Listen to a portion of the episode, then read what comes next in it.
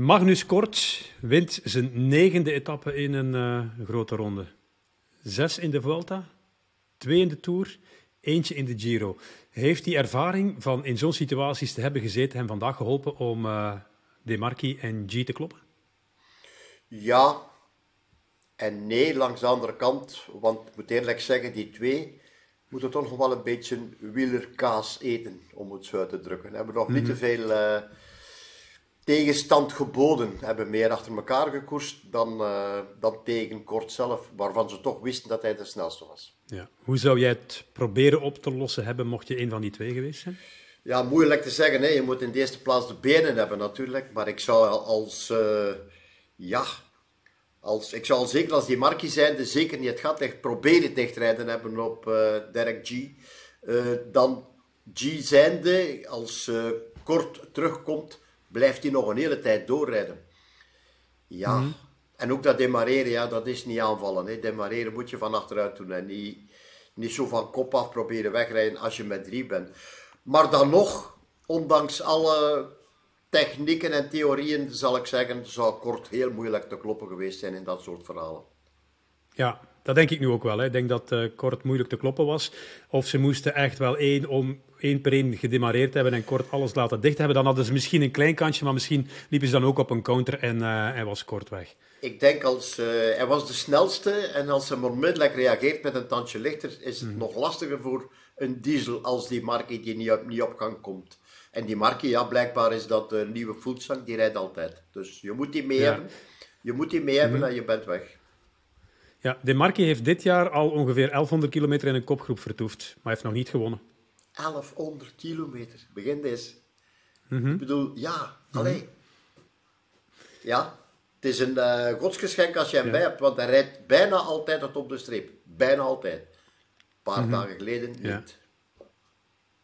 Ja. Uh, Derek G, tweede keer tweede al in een rit in deze etappe. De eerste keer achter Ben Healy, die was uh, onklopbaar. Maar nu tweede in dat spurtje, dat zal iets uh, zuurder zijn natuurlijk. Je hebt, je hebt uh, iets meer kans in zo'n situatie dan in de vorige. 25 jaar, neoprof. Een oude neoprof. Uh, ja, oude neoprof, een hele goede renner, hele goede renner die heel wat kan overleven. Sterke kerel, hele sterke kerel. Zal zeker op de markt, uh, wanneer hij vrijkomt, echt wel gewild zijn. Maar zoals ik net zei, mm -hmm. ja, de koersfeeling moet er nog een klein beetje in komen. Maar dat is te doen, hè. Ja, tuurlijk. Dat, dat uh, mag ook wel hè, voor iemand die aan zijn eerste jaar bezig is. Weinig ervaring, maar duidelijk een hele grote motor. Het is zo dat uh, de Canadese bondscoach van de piste hem heel lang gepusht heeft richting ploegenachtervolging. En pas na de vorige Olympische Spelen is hij echt uh, op de weg gaan rijden en zich op die weg gaan concentreren. het is een specialeke. Ik heb mij geïnformeerd bij Seb van Marken, bij zijn ploegmaat. Hij ligt elke dag om negen uur in bed.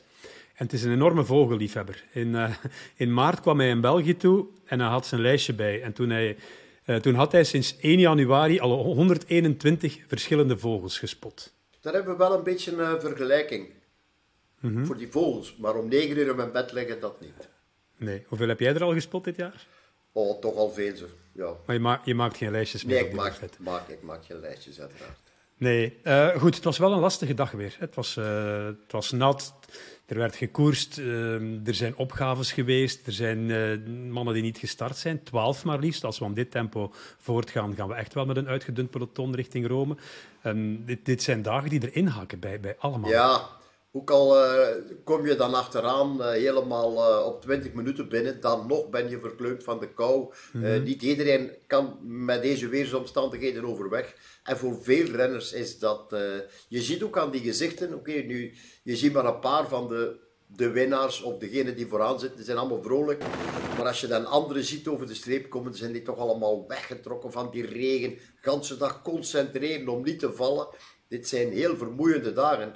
En ook voor degenen die niet meekoersen, zelfs voor de leiders en voor de klassementsmannen die daar beschermd zitten. Je moet toch de ganse dag zorgen dat je niet tegen de grond gaat, dat je kijkt, dat je bezig bent. Dat is uh, lastig koersen.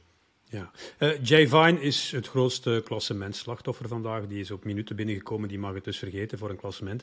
Aan de andere kant kan dat ook wel een cadeau zijn. Hè? Jay Vine lijkt mij meer het type voor de ritwinsten dan voor een podium op dit moment in een grote ronde. Ja, Vine is ook een van die mannen die via Zwift binnen de wielrennerij gekomen zijn. Heel weinig pelotonkilometers in de benen. En dan, ja, dan gaat, is niet voor de eerste keer tegen de grond gegaan. Voor de vijfde, zesde keer al, denk ik, hier in deze, in deze Giro. Dus ja, zal inderdaad maar beter kunnen gaan knechten nu. Mhm. Eh, die weersomstandigheden die worden niet veel beter de komende dagen. Getuigen ook de rit van vrijdag is al ingekort, hè, die, die bergetappe. Er ligt te veel sneeuw, dus ehm, ja, het, is, het is echt wel berenweer. En het ziet er naar uit dat er niet onmiddellijk beterschap gaat komen. Zijn er renners in dit peloton die gaan beslissen, we gaan eruit stappen, want uiteindelijk hebben we ook nog andere doelen later dit seizoen? Uh, ja, dat niet alleen. Dus natuurlijk al degenen die op een of andere manier niet goed genoeg zijn, die van zichzelf voelen van ja, hier, heb ik niks meer te, te zoeken. Hier heb ik niks meer te zoeken. Ik ben hier weg. Um, sommigen zijn wel gekomen om prijs te rijden. Uh, en anderen, ja, die hebben uh, andere doelen dit, uh, dit jaar nog. Maar dit is een... een niet alleen de koers op zich is lastig, maar vooral die weersomstandigheden, die maken het echt wel... die hakken erin. Oké. Okay. eens luisteren naar wat Renaat gesprokkeld heeft.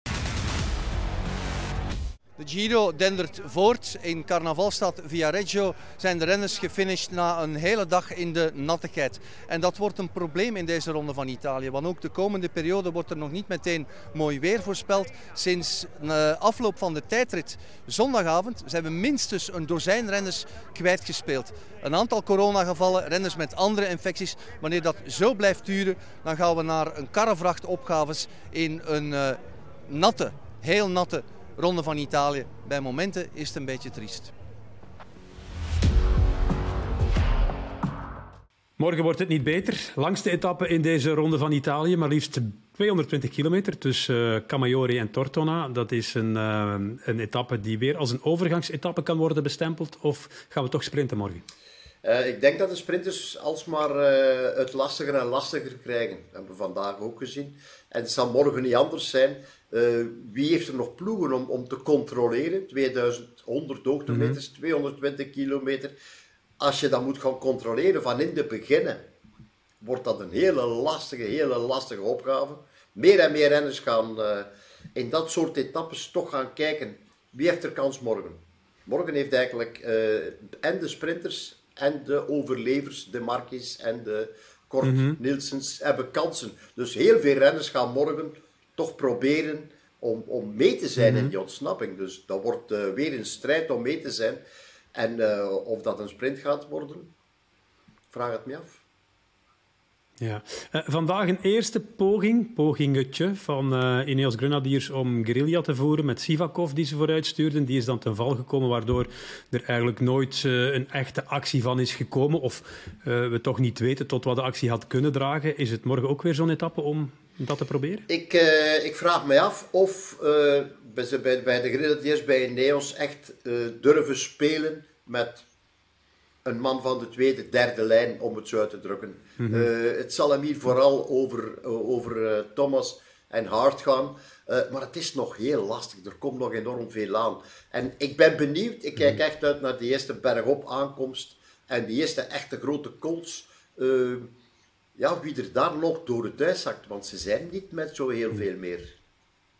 Ja, vraag is ook maar, wat koop je natuurlijk bijvoorbeeld met een Laurens de Plus morgen in zo'n vlucht te zetten, die dan niet de koopmannen kan beschermen en die dan misschien wel minuten pakt, is dicht gaat komen, maar de Ronde van Italië waarschijnlijk niet kan winnen.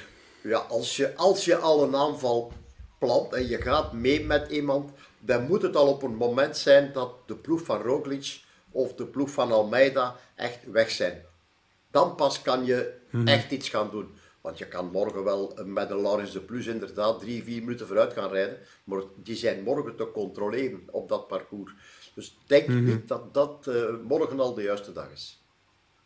Oké, dan wachten we nog een beetje. Maar morgen gaan we kijken, José. Morgen voor het scherm. In de loop van de namiddag en s'avonds zijn wij er terug met een uh, Giro magazine. Ik wens je nog een fijne dinsdagavond. maar in de regen zitten. Wij zitten in de zon. Ja, in de zon voor een aantal dagen. Tot morgen, arrivederci. Capo a domani. Ciao, ciao.